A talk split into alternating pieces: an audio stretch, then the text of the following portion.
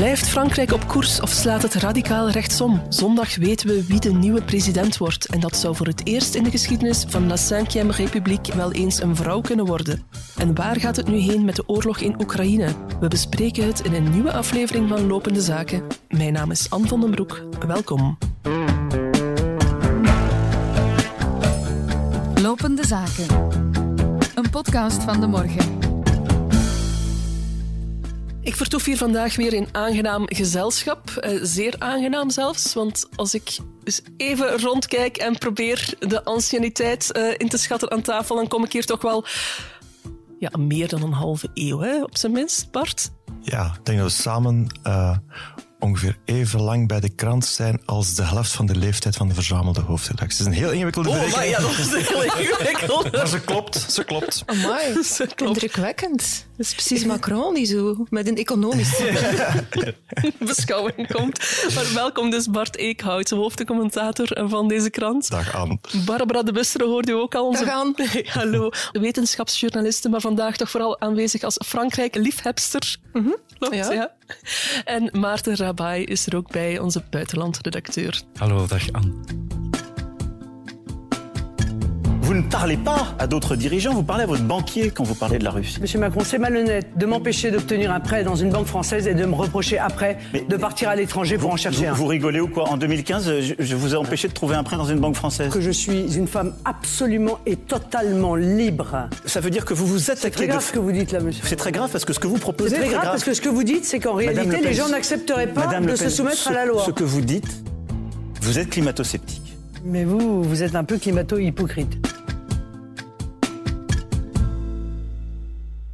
Barbara, ik leg het maar eerst even voor aan jou. Ga jij juichen als er zondag een vrouw president wordt van Frankrijk? Nee, absoluut niet. Ik ga eh, drinken en, en, en, en triest zijn en, en geschokt. En, nee, nee. Juichen niet, uiteraard. Hoe zie jij eh, het gebeuren zondag? Wat voorspel Ik ga, eh, wil je dat ik voorspel wie gaat winnen? Ja? Goh. Hoe liggen de kaarten? De kaarten liggen nu, denk ik, eh 55% voor eh, Macron en 45% voor Le, Le Pen. Dus ik denk nog altijd, en ik hoop vooral, dat, dat hij zal winnen. Ja. Maar je, de peilingen, we weten dat allemaal, dat is, dat is totaal onvoorspelbaar. Hè? En de mensen zijn ehm, ook onvoorspelbaar, uiteraard. Eh, je hoort dat er nu heel veel mensen elkaar oproepen van degenen die niet zijn gaan stemmen, van je moet, je moet nu echt wel met dichtgeknepen billen eh, Ja. op Macron eh, gaan stemmen. Ja, ja, zodat de extreemrechtse Ja. eh, Marine Le Pen... Ja, een, een Nu, dam het, is tweede, het is eigenlijk voor de tweede keer op rij een tweestrijd tussen de twee. Ja, hè? maar het is, het is eh, eh, nijpender nu dan de vorige keer. Ze, ze heeft meer eh reserve ook, veel meer reserve nu, om nog te gaan kiezers halen bij andere kandidaten die het niet gehaald hebben, bij extreem rechts onder andere, Zemmour. Eh, en bovendien, en dat is iets heel maf waar ik eerst niet aan uit kon, eh, ik heb dan een paar vrienden daar gevraagd, hoe kan dit nu? Er zijn allerlei percentages over, maar het komt erop neer dat sommigen die voor Mélenchon hebben gestemd, extreem links, uiteindelijk ook voor haar zouden durven stemmen. Ik las ergens dat er volgens een bepaalde peiling dat dat 20% van die Mélenchon-stemmers zou kunnen zijn, wat dat heel vreemd is, maar het is blijkbaar wel zo. Ja, zo vreemd is het eigenlijk ook niet. Hè. Le Pen heeft zich eh, de laatste, heeft eigenlijk sinds haar ver- verloren verkiezing van vijf jaar geleden, heeft ze eigenlijk zichzelf en haar partij ja, heruitgevonden, is misschien wel een groot woord, maar toch een nieuw eh, laagje behang erop gehangen. Eh, laten we heel duidelijk zijn, die, die radicaal rechtse ondertoon die is er nog altijd. Haar standpunten wat dat betreft blijven echt wel uiterst rechts. Als het gaat over ja, moslim, haat, eh, afstand van, van, van, van migratie, van vreemdelingen. Ze heeft daar een soort linkspopulistisch sociaal-economisch programma aan toegevoegd, versterkt. Dat was al wat aanwezig, maar is nu nog veel versterkt. En ja, dat, dat sluit eigenlijk vrij dicht aan bij een aantal van de, de bekommernissen die ook eh, misschien eerder de, de, de, de wat oudere kiezers van, van Mélenchon ook wel kunnen Dat is bekoren. eigenlijk een beetje wat we gezien hebben hier in de verkiezingen van 2019, hè, waar, Mhm. waar Vlaams Belang zijn, eh, ja, zijn enorme groei aan te danken had. Daar Ja, werd klopt. ook gezegd dat ze dat eh, bij links zijn gaan halen, wegens de sociale bekommernissen, de, Ja. ko- eh, de koopkracht, de bezorgdheid. Mhm. Ja, dat is natuurlijk nu- nu, nu met die energiecrisis die op handen is, is het natuurlijk nog veel sterker. Is dat thema ook veel prominenter geworden.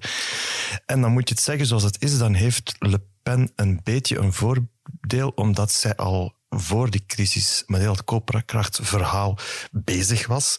Dus zij is een beetje eigenaar van dat thema. Veel, meer dan, veel, meer, dan, veel meer dan Macron eigenlijk. Die, ehm, voor de oorlog lang heeft ingezet op de grote hervormingen, de grote economische hervorming, die ook een verdienst hebben, voor alle duidelijkheid, maar die veel minder bekend staat om zijn empathie voor de, de gewone man, die hij ja, misschien toch wel uit het oog verloren is. Maarten, hoe schat jij eh, de kansen in eh, zondag? Ja, ik, ik uh, durf mijn hand ook niet in het vuur steken. En het doet mij ook wat denken aan, aan toen we allemaal dachten van Hillary Clinton zal zeker uh, Donald Trump verslaan. Ja, exact. Uh, je, je kan er echt geen gif op nemen.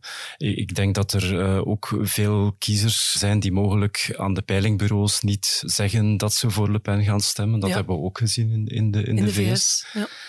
En uh, inderdaad, die, die houding van Macron, dat viel ook op in het debat. Ja, Hij- hij exact. was- Want er zijn ook wel parallellen te trekken tussen het debat van woensdagavond tussen um, Emmanuel Macron en uh, Marine Le Pen met het debat dat we gezien hebben tussen uh, Hillary Clinton en uh, Donald Trump een, een aantal jaar geleden. Hè. Ja, Ma- Macron stelde zich heel cerebraal op en, en soms een, een tikkeltje arrogant. En voor zijn kiezers is dat natuurlijk wel een, een die vonden dat een goede zaak, dat hij haar uh, zo afstraffend uh, toesprak.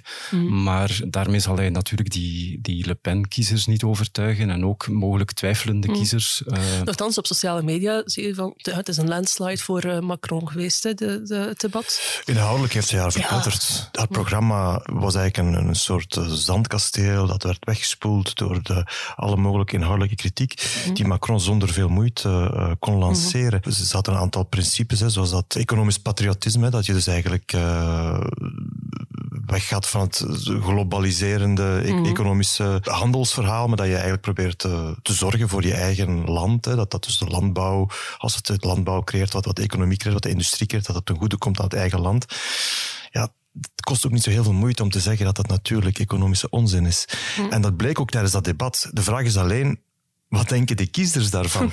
um, wat denken de mensen daarvan die misschien En toch hebben maar... ze gekeken? Want... Ja, nee. Hè. Enfin, ja, jawel, maar toch niet meer. Het was denk ik het laagste kijkcijfer voor zo'n debat ooit. Mm. Ik weet het getal niet van buiten, het was 16 miljoen of zo. Maar... Ja, een beetje minder, ja. Ja, mm. dus het is niet dat iedereen dat gezien Op een heeft. kleine 70 miljoen Fransen. Ja, het was grappig. Ik had het erover met vrienden en, en, familie daar. En hier in België waren we met meer aan het kijken die avond dan mijn klik die, die ik daar ken. Dat is nu anekdotiek, maar... Ja, er zijn er zeker heel veel die het niet gezien hebben. Ja, ja en je kan wel inderdaad zeggen, inhoudelijk was Macron duidelijk een aantal klassen sterker dan, um, dan Le Pen. Mm -hmm.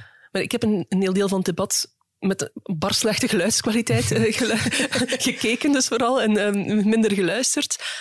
En zeg dat ik lichtelijk passief-agressieve neigingen kreeg van de lichaamsstijl van, van Macron. Ah, ja. Dat was met een dédain dat hij daar op een gegeven moment zat, met de, zo de kin op de handen en kijken ze van, allez, vertel het eens, jij. En ja, ik denk dat op dat... mij werkte het niet, ja, moet ik zeggen. Nee, ja. ik denk dat dat moeilijk is om wat zij zegt is soms zo van de pot gerukt of leugenachtig. Ik vraag mij af, hij zou daar hebben moeten op getraind en dat is niet gelukt en dat kwam niet goed over. Maar ik vraag mij af hoe makkelijk, of ja, net hoe moeilijk het is om als iemand met zo'n onwaarschijnlijke, niet gecheckte of mm. rare dingen afkomt, om dan af en toe niet in zijn wenkbrauw op te trekken. Maar het was inderdaad, op den duur was het wel een beetje heel erg, want hij draaide zich dan soms echt helemaal... Hij draaide zich dan soms helemaal weg van, de, van, van haar. Dus ja, ik kan me voorstellen dat als je gekeken hebt zonder geluid of met weinig geluid, dat dat opviel. Ja. Ik, zou, ik zou misschien toch voor een klein tegengewicht zorgen, want uh, die, die, uh, pedante houding van uh, Macron is ondertussen ook wel uitvoerig gethematiseerd. misschien zat er ook wel een strategie achter, waarbij hij zonder haar te diaboliseren toch een zo ruim mogelijke afstand wou maken hmm. tussen haar en tussen zijn programma en toch wat duidelijk maken van kijk, het is echt een fundamentele ja, keuze. Waar je als... volgens, ja. Zou kunnen, zou ja. kunnen. Um, mm. het, het zou tactiek kunnen zijn omdat vooraf iedereen gewaarschuwd had van hij mag zeker niet professoraal en pedant overkomen. Wat deed hij? Hij kwam professoraal en pedant over. Dus dacht ik van ja, misschien heeft hij dan toch, uh, zit er toch ergens een Misschien plan was het gewoon de bedoeling, ja. Ja, want je hebt mensen die daar enorm van houden natuurlijk. Hè. De, de parade van het intellect. Hij, hij, was ook de enige, vond ik persoonlijk, die redeneerde. Mm -hmm. Zij dramde een paar dingen af, maar hij kon echt ja, tonen aan het hele publiek van ik, ik heb een stel hersenen, ik kan daarmee. En dat, dat pakt bij mensen. En dan aan de andere kant zit zij daar dan als de, Ja. de la bonne maman, hè, de, de, de, de moeder. Ze, ze, ze heeft zoiets moederlijks, hoorde ik sommigen zeggen. Ik ken zelfs iemand, zijn vader was vroeger heel erg gedegoteerd door alles wat met Le Pen, eh, vader Le Pen en, en, en heel de familie te maken had. En die nu zeer onder de indruk was van haar, ehm, als het dan puur gaat over, eh, niet wat ze zegt, maar over haar houding. Ze was veel minder agressief, vulgair eh, dan vroeger. Kalm, ze had zo bijna iets moederlijks. En inhoudelijk trekt ze ook wel wat die kaart. Ze gaat voor iedereen zorgen. Tot en met de dieren. Ze begon op een bepaald moment over de dieren. Dat was erg grappig. De verpleegsters, de armen. Dus ze heeft, ze heeft dan... Ja, de confituurfactor, hoor ik, speelt daar. Van mensen Ja. die daar... Bij wie dat pakt. Ja. Ja. Wat, wat je alleszins kon horen in haar eh, discours is dat ze haar publiek of haar ambities verlegd heeft. Hè. Het is niet meer de spreekwoordelijke kleine man alleen die ze vertegenwoordigt. Ze had het ook over eh, werkende studenten, over onderwijspersoneel, Ja, over de ja, ja. verpleegsters inderdaad. Dan spreek jij toch al over de middenklasse en de lagere middenklasse. En dat blijkt ook uit de stembursresultaten, analyse van de eerste keer, dat ze haar publiek inderdaad wel verruimde. En dat is wat we ook in, in Vlaanderen gezien hebben met Vlaams Belang. Hè. De 2019, maar vergeet ook niet, in 2018 bij de gemeenteraadsverkiezingen is het Vlaams Belang doorgebroken op het eh, platteland, met name in, in, in toch vrij welvarende eh, regio's in West-Vlaanderen en, en de Kempen. Dus dat zou je ook wel kunnen, kunnen krijgen bij Le Pen, dat zij niet enkel die eh, spreekwoordelijke Dutsen in, eh, in Noord-Frankrijk nog vertegenwoordigt, maar ook een vrij ruimer groep mensen de middenklasse in, in Franse centrumsteden. En nog een voordeel dat ze daarbij heeft, denk ik, is dat haar partij, de opvolger van, van het vroegere Front National, eigenlijk al heel lang verankerd is lokaal. Ze hebben heel veel lokale eh, vertegenwoordigers. Ook in het parlement eh, zijn ze goed vertegenwoordigd. En wat je ziet is dat La République en Marche van, van eh, Macron, die is tijdens zijn presidentschap er niet in geslaagd om die lokale partijstructuren uit te bouwen en, en zo die, die voeling met wat er leeft in, in, de, in de kleinere, vooral in de kleinere centra, om, om dat uit te bouwen. Ja, we hebben het er net over Macron, zeer cerebraal enzovoort. Hij heeft deze week ook nog wel over een andere boeg gegooid. Hè? Wel, wat- ik probeer mij diplomatisch uit te drukken, maar wat vonden we van de borsthaarfoto? Ja, belachelijk, hè. Allee, ja. Eh, ik, kon, ik dacht, het is, het is een fake, hè. je hebt dat nu constant. Maar hij heeft zo'n persoonlijke fotograaf die ervoor bekend staat om spitante, pittige plaatjes te schieten. En dat paste dan blijkbaar toch in een rijtje. Dan had hij die ook met die hoodie. Ja. Persoonlijk vind ik dat compleet lachwekkend en een beetje wanhopig. Terwijl als je dan dat debat ziet, denk je, ja, die heeft dat toch niet echt nodig om zo... Maar ja, Ja, het is, voor, het is voor wie het niet gezien grappig. heeft, Macron poseert op een, eh, Ja, op een sofa, Helemaal breed hangend, achterover, een wit hemd opgeknoopt tot Ja. net boven de, de Ja. navel. En het, ehm, is, ja, het is zeer veel borsthaar Ja, ja, jij was gedegoteerd. Ik vond het vooral... Ja, ja, vo- vooral door het feit dat het, het, het was niet gewoon borsthaar. Het was precies Een een ja. geknipt in de vorm van een t-shirt. Er was iets heel raar aan de hand met de overgang tussen de nek en, eh, en de. Het was, eh, Er klopt, er klopt ja, iets ja. Ik, ik vond eh, zijn vorige fotosessie met de hoodie vond ik eigenlijk nog lachwekkender. Toen, eh, was zo, toen ehm, Zelensky eh, net zijn entree had gemaakt op het internationale podium, leek het plots alsof elke staatshoofd of regeringsleider dreigde om nu ook met een soort ja, streetwear of camouflagepak te verschijnen. Wat nog wel interessante st- statieportretten zou kunnen opleveren. Gewoon de Europese top. Hè? Charles Michel in combat dress. combat.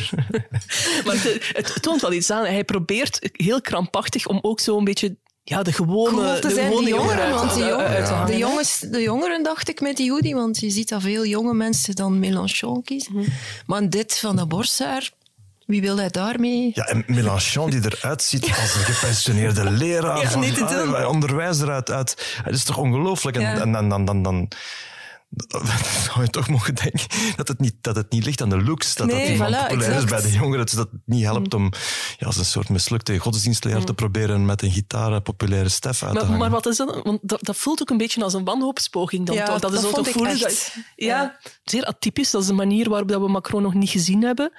En als je dan plots zulke dingen begint te doen, Maar ja, dat is toch dat je een beetje het voelt is van, ik zit, ik zit nauw. De helft van de kiezers heeft extreem gestemd, als je, als je dat optelt. En, en In de eerste ronde. hè. in de eerste ronde. En, en de kans dat, dat daar iemand zoals Le Pen president wordt, is, is, bestaat en, en is groter dan de vorige keer. En de nog vorige keer met Vaar Le Pen. Dus dat is ook wel een nijpende situatie. Maar ja, om dan zo uit de hoek te komen, ja, ik vond dat wel... eh, Ja.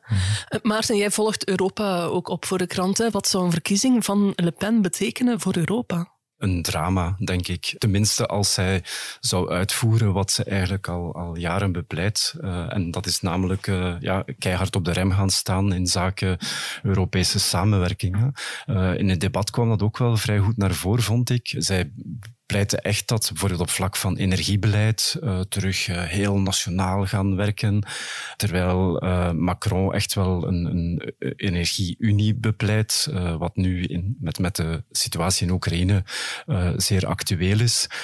En vooral ook als je kijkt naar de samenwerking rond Oekraïne, Le Pen is ook iemand die uit de NAVO zou durven stappen. Hè. Eh, vergeet niet dat Frankrijk ook onder de Gaulle destijds lange tijd niet bij de NAVO hoorde. En ik, ik denk dat, ehm, dat als Le Pen eh, president zou worden, dat we toch een, een soort van bevriezing zouden krijgen van die, die Europese samenwerking die net nu eh, zo nodig is. Of ze in de realiteit dat allemaal zou kunnen verwezenlijken, is natuurlijk een andere vraag. Er is ook zoiets als het, het Franse parlement. eh, ja, dat is het wilt passeren. maar ja, qua, qua timing is het ook zeer precair natuurlijk, gezien de link dat Le Pen heeft eh, met Poetin. absoluut. En dat is, Marine Poetin, zeggen ja, ze nu. hè? Ja, ja, absoluut. En dat is in, eh, in het debat ook naar voren gekomen. Daar heeft president Macron haar ook heel hard op kunnen aanpakken. Hij noemde haar eh, afhankelijk van Poetin. Ze heeft in het verleden zeer een- gewillig met hem geposeerd, heeft daar ook financiële Ja, banden en mee. vooral financieel. Dus ze heeft eigenlijk een lening afgesloten een aantal jaren geleden. eh, ik denk 9 miljoen euro. Een lening die is nog altijd afbetaald. En daardoor ja, is Maar het is Poetin... geen persoonlijke lening, veronderstel ik. Dat is geen voor persoonlijke haar lening, partij. dat is voor haar partij, maar ehm, Poetin is wel de bankier van haar partij geworden en is hem nog altijd letterlijk schatplichtig. Ja, wanneer dat het regent in Parijs, dan druppelt het in Brussel. Stel dat um, Le Pen verkozen wordt, verwacht jij dat daar een eh, fallout naar hier zal zijn, Het, Bart? het regent al in Brussel. Hè. Ja, maar- Volgens de peilingen is de grootste partij van dit land, van Vlaanderen, maar dus ook van het land, eh, Vlaams Belang. Hè. klopt. Maar voor Franstalig België dan eerder, daar geeft extreem rechts vooralsnog geen echte voet aan grond. blijft Dat is al moeilijk. heel erg is vaak geprobeerd. een bijzondere Ja. vaststelling dat dat daar niet van de grond komt. is ook al geprobeerd, zelfs met letterlijk filialen van het, eh, Front ja. toenmalige Front National. Het is allemaal mislukt, omdat ze toch niet meer dan eh, enkele patipers bij elkaar krijgen. had um, Modrika die geprobeerd heeft. Ja, ook al, ja. Uh, Dus verder dan ehm, één of twee zeteltjes in de Kamer zijn ze nooit gegaan. Dat waren dan toch telkens een vrij schimmige figuren, om het nog heel beleefd uit te drukken. En dat is op zich wel vreemd, want eh, sociologisch, politiek is de, eh, de kiesvijver voor een radicaal, radicaal rechtse partij zeker aanwezig. Maar in Franstalig België wordt heel die anti-establishment sentiment eh, wordt helemaal door uh, Partij van de Arbeid en nogmaals uh, de PTB. Nogmaals, sociaal-economisch verschillen de programma's van Le Pen en van de PTB niet zo heel erg veel van elkaar. Nee. Er is natuurlijk alleen die, die, die, die, die nationalistische component die helemaal Ze niet missen aanwezig misschien is. eigenlijk een echte charismatische figuur om dat, om dat rechtse, eh, extreemrechtse van de grond te krijgen. Ja, dat, maar toch ook wel het terrein, het politieke landschap in Franstalig België is wel vrij goed bezet. En natuurlijk, Ja. als je uh, ideologisch bekijkt, is er aan de rechterkant een, een flinke hoek. Maar als je meer kijkt naar, naar hoe partijen ingeplant zijn in het landschap, dan, dan, dan heb je daar toch wel, Mm. uh, dan is er nog weinig ruimte voor, voor echt nieuwe initiatieven die alles gaan wegbuldozen. Ik denk dat enerzijds de PS met haar toch nog de vijand staat aan de poorten, maar die lokale implanting van die partij is vrij sterker. Eigenlijk niet te vergelijken met wat wij hier, het ontzuilde Vlaanderen kennen. Dat is een totaal andere politiek gevoel in Franstalig België. En anderzijds heb je dat de PTB, die heel dat nieuwe gevoel, dat anti-establishment, dat uh, Rale Bol helemaal meepakt. Dus er is weinig plaats. En dan heb je ook nog Boucher, die zich een beetje probeert tussen te wringen uh, met, met een wat rechtser programma. Voorlopig met, heel, met, met vrij weinig effect. Maar goed, dus eigenlijk, om nu te zeggen, ze zit daar te wachten op een, op een Marine Le Pen, dat moet ik toch een beetje nuanceren, denk Ja. ik. Stel nu dat we ervan uitgaan dat Macron het haalt. Hoe stevig zit hij dan op zijn stoel? Want die verkiezing ja, gaat kantje boord worden, kunnen we vanuit gaan uh, zondag? Of het zal, uh, ja, het zal niet, niet zo'n groot verschil zijn als vorige keer wellicht. Ja, is zijn, is zijn macht dan aangetast? Dat is een goede vraag. Ik, ik, denk dat, dat hij in elk geval in rekening zal moeten houden in de samenstelling van zijn regering met het electoraat dat gekozen heeft voor, voor Le Pen en voor, uh, voor Mélenchon. Daar zal hij niet van onderuit kunnen. Dus hij zal moeten kiezers tegemoetkomen die het uh, moeilijk hebben in zaken koopkracht. En ook uh, bijvoorbeeld ja, heel die discussie rond pensioenhervorming, die heeft hij wel voor een groot stuk doorgevoerd, maar je, je voelt dat daar dat, dat dat niet af is, dat dossier. Dus er, er, komen ook nog parlementsverkiezingen. Ja, dat is vrij snel. De zogenaamde troisième tour, ja. uh, waarvan Mélenchon al gezegd heeft van oké... Okay, premier uh, worden. Ja, heeft dus het is de kans om mij premier te maken. Dus uh, ja, bon, ook, ook, daar zijn verrassingen niet helemaal uitgesloten. Ja, je zou kunnen eindigen met een soort cohabitation, mm. waarbij dat je Macron hebt als president, maar bijvoorbeeld ja, als Mélenchon als premier. Ja. ja, dat lijkt me sterk, maar goed. ja, Kijk, ik ga het uh, zondag in alle geval op de voet volgen, hiervan op de redactie, want ik heb weekenddienst. Maar Barbara, uh, jij hebt leukere vooruitzichten. Jij gaat je helemaal onderdompelen ja, in de, in de ik, sfeer. Ik ga naar daar hè, om ze te steunen en, en uh, bij te staan en om het erover te hebben. Psychologische bijstand. Ja, ik heb al verschillende afspraken met mensen die vragen, we moeten het hebben over de politiek, ook al gaan die niet altijd stemmen. Dat is heel bizar.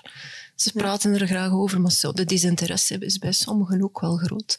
Maar dus ja, nee, ik ga daar uh, proberen uh, hen bij te staan. Ja, en voldoende drank voorzien. Dus. Ja, dat is mijn taak. Goed.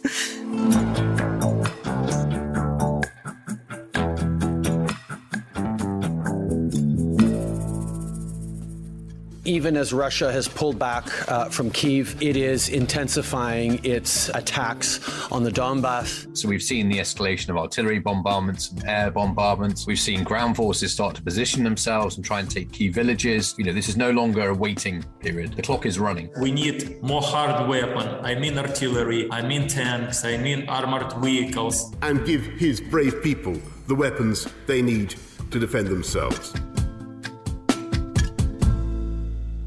Blikken we even terug naar vorig weekend. Toen kwam het verwachte, maar daarom niet minder verontrustende bericht dat het Russische offensief in de Donbass begonnen was. De Donbass, dat is de regio in het zuidoosten van Oekraïne. En de hele week stroomden berichten binnen over bombardementen en beschietingen. Maar toch is het offensief volgens Oekraïne nog niet echt begonnen. Zij maken zich op voor erger. Maarten, wat is de stand van zaken daar?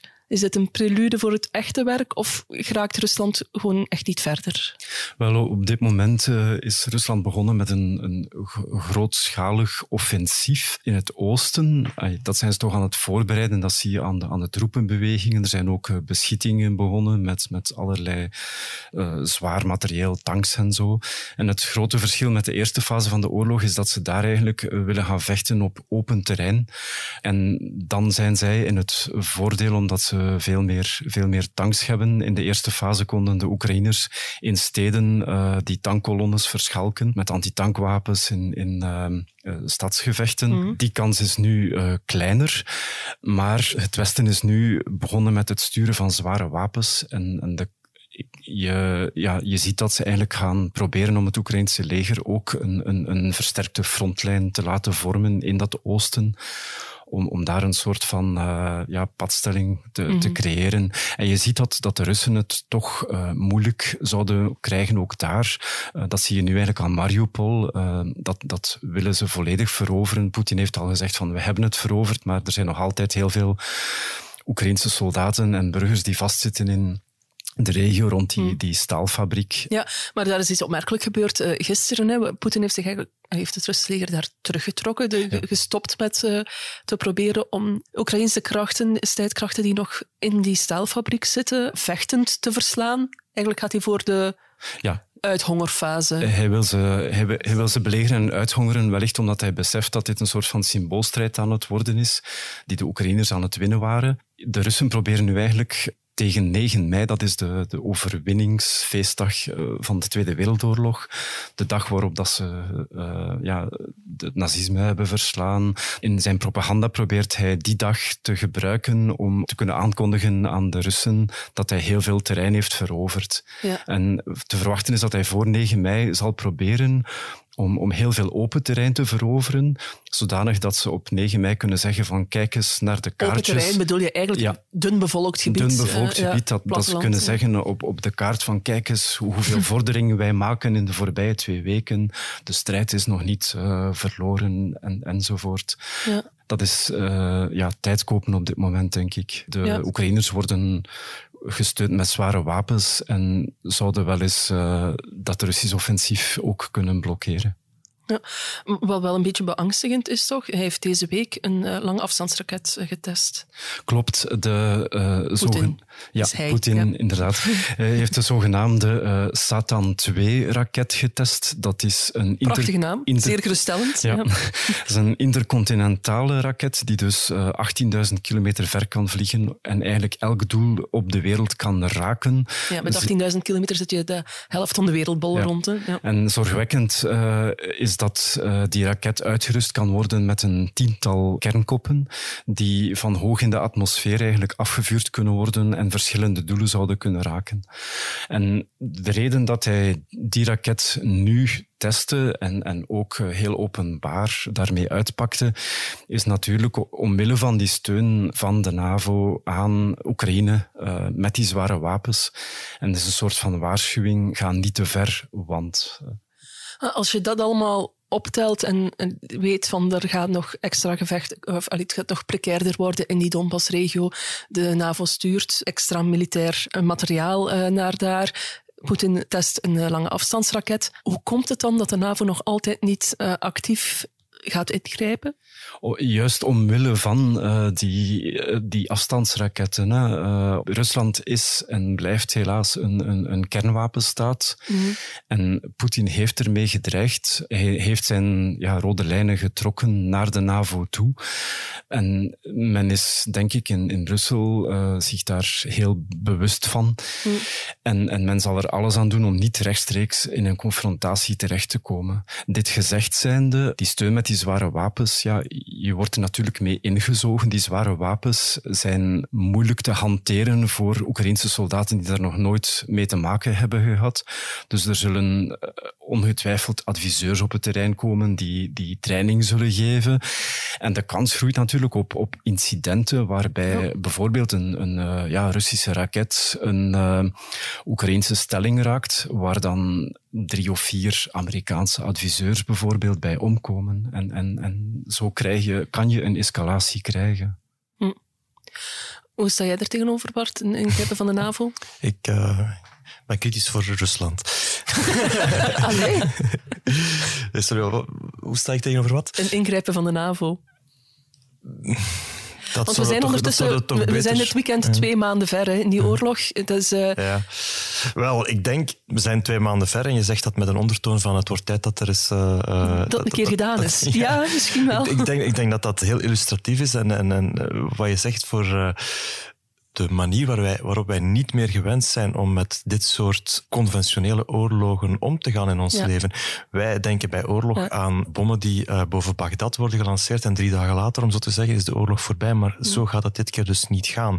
Ik denk dat we altijd nog in een soort beginfase van deze oorlog zitten, of alleszins toch in een soort eerste fase van de oorlog, waarin inderdaad probeert uh, Rusland zijn doelen te bereiken. Uh, de eerste tactiek, heel het land overrompelen, is mislukt. Nu probeert hij het via de weken onderbuik, waar al wat uh, succes is geboekt.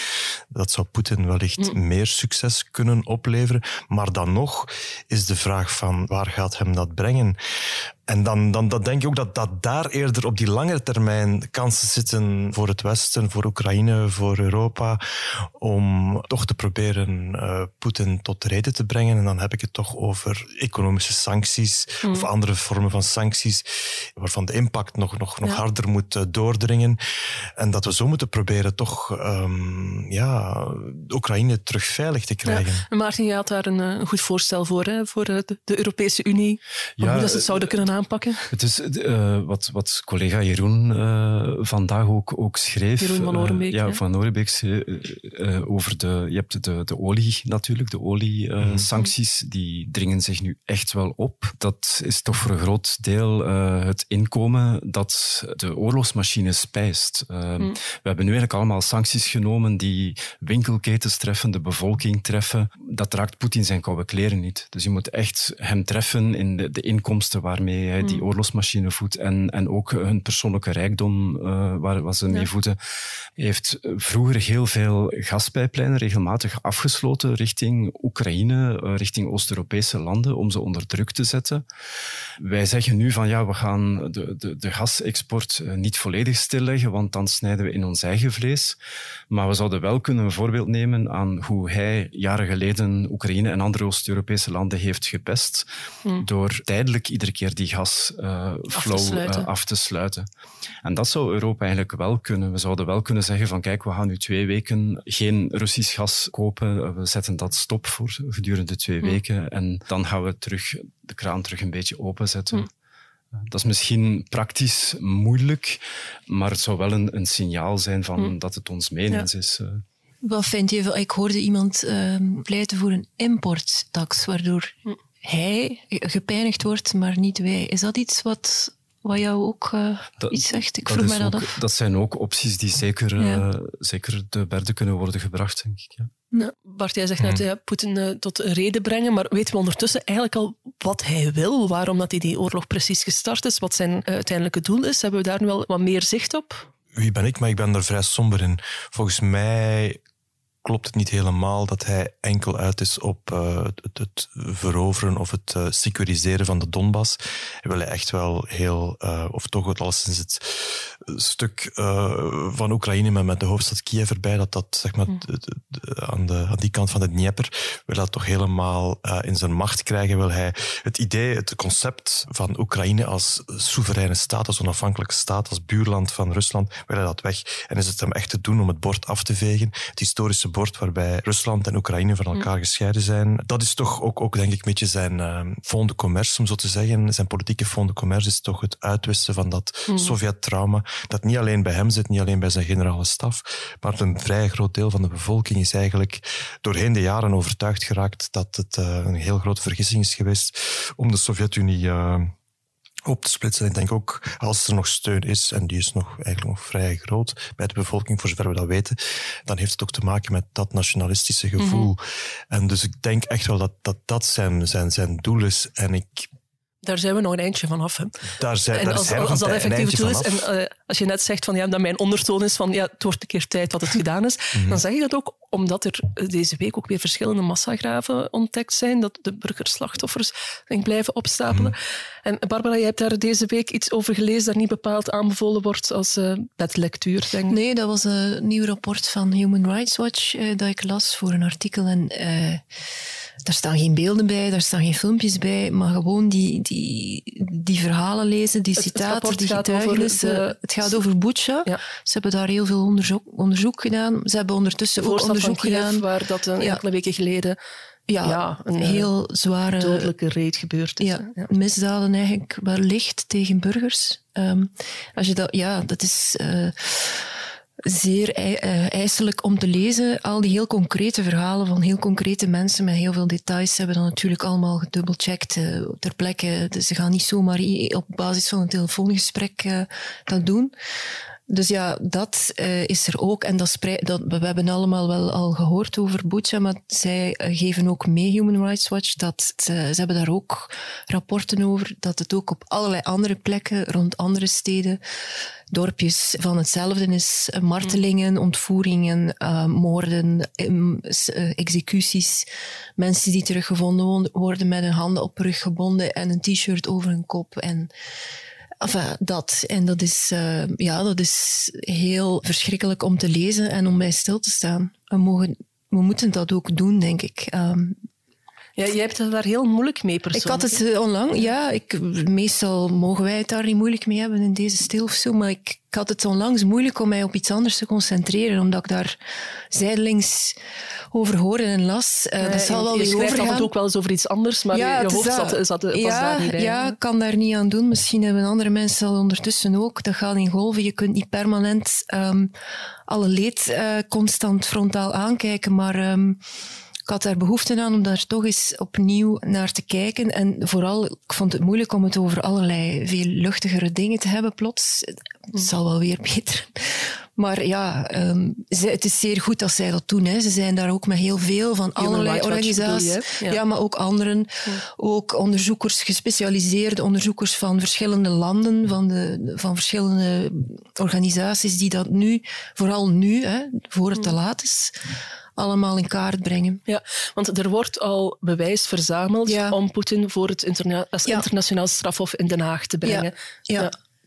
Dat, is, dat is echt elke dag dikker. Maar natuurlijk blijft het heel moeilijk. En, en uh, zoeken ze ook anderen. Hè. Ze zoeken lokaal, allee, ze zoeken ook namen, identiteiten van, van, van, van commandanten en, en, soldaten die letterlijke daders zijn van verkrachtingen enzovoort. Hmm. Poetin is de, de hoofdverantwoordelijke, ja. maar ze, ze, zijn ook aan het proberen om, om echt te identificeren wie daar bepaalde misdaden heeft. Ja. Precies, precies, die oorlogsmisdaden overtuigen mij van het feit dat um, Poetin op meer uit is dan op het annexeren van, ja. van een stuk land. Ja, dit, gaat, is... dit, dit, gaat over veel meer dan dat.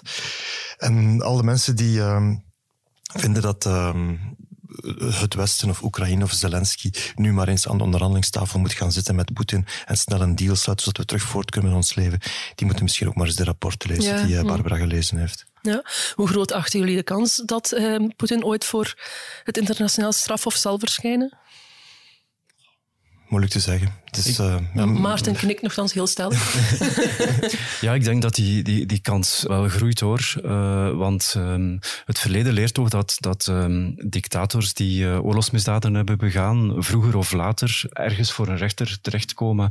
Of dat nu in De Haag is of, of elders. Um, ik denk aan een, een Slobodan Milosevic, denk aan Charles Taylor in Liberia. Ja. En, Daar zat wel telkens daar zit, tussen. Daar, zit wel veel, daar zit telkens wel, wel tijd tussen. En inderdaad, Poetin is al vrij oud. Exact. En, en, uh, maar ik sluit niet uit dat, dat ook andere figuren van zijn regering ooit nog in een beklaagdenbankje uh, zullen terechtkomen. Maar dan is het wel belangrijk, denk ik, dat de, nu de internationale gemeenschap veel meer inspanningen doet om die oorlogsmisdaden te onderzoeken. Human Rights Watch doet daar fantastisch werk. Er is een Oekraïense procureur die ja. heel hard werkt, die blijkbaar al duizenden dossiers heeft opgestart. Maar die mensen hebben nood aan expertise. Het internationaal strafhof is ook een onderzoek begonnen, maar die onderzoekers die moeten wel op het terrein gaan. Mm -hmm. En als je mij zou vragen, ik vind dat je als EU bijvoorbeeld zou kunnen zeggen van we gaan die onderzoekers op het terrein gaan steunen met een gewapende beschermingsmacht. Ja, dat is wat die, wat die mensen die ik sprak daar uh, ook zei. Ja, dus het is natuurlijk heel precair werk. Dat is precair werk, maar je, je Heel belangrijk werk. En ook de coördinatie blijkbaar. Er zijn allerlei instanties die dat aan het doen zijn, maar er is nog geen overzicht. En dat is heel cruciaal, want er gaan dingen verloren gaan anders.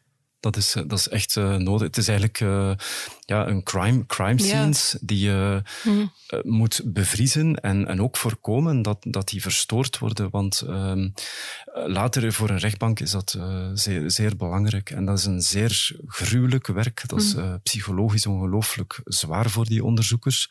Maar die verdienen alle steun. En, en ook wij zouden kunnen bijvoorbeeld zeggen, als België, we hebben hier forensische deskundigen, we zouden ze kunnen naar daar naartoe sturen. Hè. We hebben dat nog niet gedaan. En voor zover ik dat weet, hebben wij dat nog af. niet gedaan. De Duitsers en de Fransen De Duitsers en Fransen dacht ik wel al. De Amerikanen. We zouden ook als België, we hebben uh, zoiets als universele jurisdictie, dat is nu wel minder slagkrachtig als, als vele jaren geleden. Maar ook, ook daar zou je initiatieven kunnen ontwikkelen. Mm. Het zijn ook mensen van een voormalig onderzoeker van Human Rights Watch mm. die, die, die dat zei. Dat dit iets is waar, waarmee je die, die druk opvoert En we moeten ook niet te lang aarzelen met het noemen van Ja. die commandanten bijvoorbeeld waar je over sprak. Ehm, laat nu al weten dat Mhm. die commandanten vervolgd worden. Maak Mhm. een openbaar dat er een, een onderzoek loopt, dat zij zich zullen moeten verantwoorden, verantwoorden voor een rechtbank. Ja, en verhoog op die manier de druk. En verhoog op die manier de druk ook op de Russische publieke opinie. Ja, ja, want daar zei je ehm, van de week ook iets interessants over. Door dat te doen, zou je het eigenlijk via de moeders gaan spelen. De, de- de moeders van eh, Russische soldaten aan het front. Maar je moet Ja. Ze bereiken, die moeders. Ja, Ja. je moet ze bereiken, maar een eh, voormalig onderzoeker van Human Rights Watch, Peter Ja. is, eh, die, die heeft heel veel Mm. van die zaken onderzocht. Eh, die vertelde me een aantal weken geleden van, kijk, als je die namen bekend maakt, dan komt dat hoe dan ook Mm. terecht bij de familieleden van die mensen. Want Rusland is natuurlijk, er is heel zware censuur, Mm. maar heel veel eh, familieleden van militairen die gaan in het buitenland op zoek via VPN-verbindingen naar nieuws over het front. Als zij plots de naam zouden zien van een familielid, eh, dan kan je zeker zijn dat bij het volgende telefoongesprek met, met, met eh, de militairen dat daarover gesproken zal Mm. worden. Maar ook dat andere families eh, bang gaan worden van oei, straks ga jij voor het tribunaal moeten komen. En dat ze ook beseffen wat, wat er aan de hand is in Oekraïne. En Mm. dat, dat dit niet een speciale militaire operatie is, maar een, een, een, een oorlog die, eh, ja, waar alle normbesef verloren is gegaan.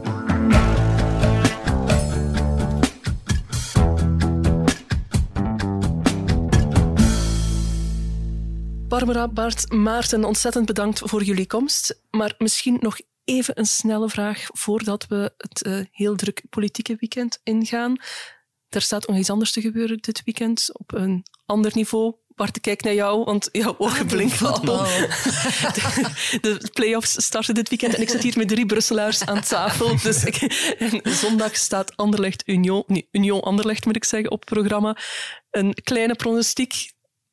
Ik kan niet moeilijk anders zeggen dan, eh, dan dat Anderlecht eindelijk revanche zal nemen voor twee smadelijke nederlagen tegen Union in de competitie. Hm. Dus dat gaat toch 1-2 worden. Ik heb geen flauw idee. Maarten. Ik heb ook geen idee, maar ik, ik, eh, ik gun het, ik gun het bij, de, bij de clubs eh, van harte. Diplomatisch. Eens diplomaat. En wie wordt kampioen?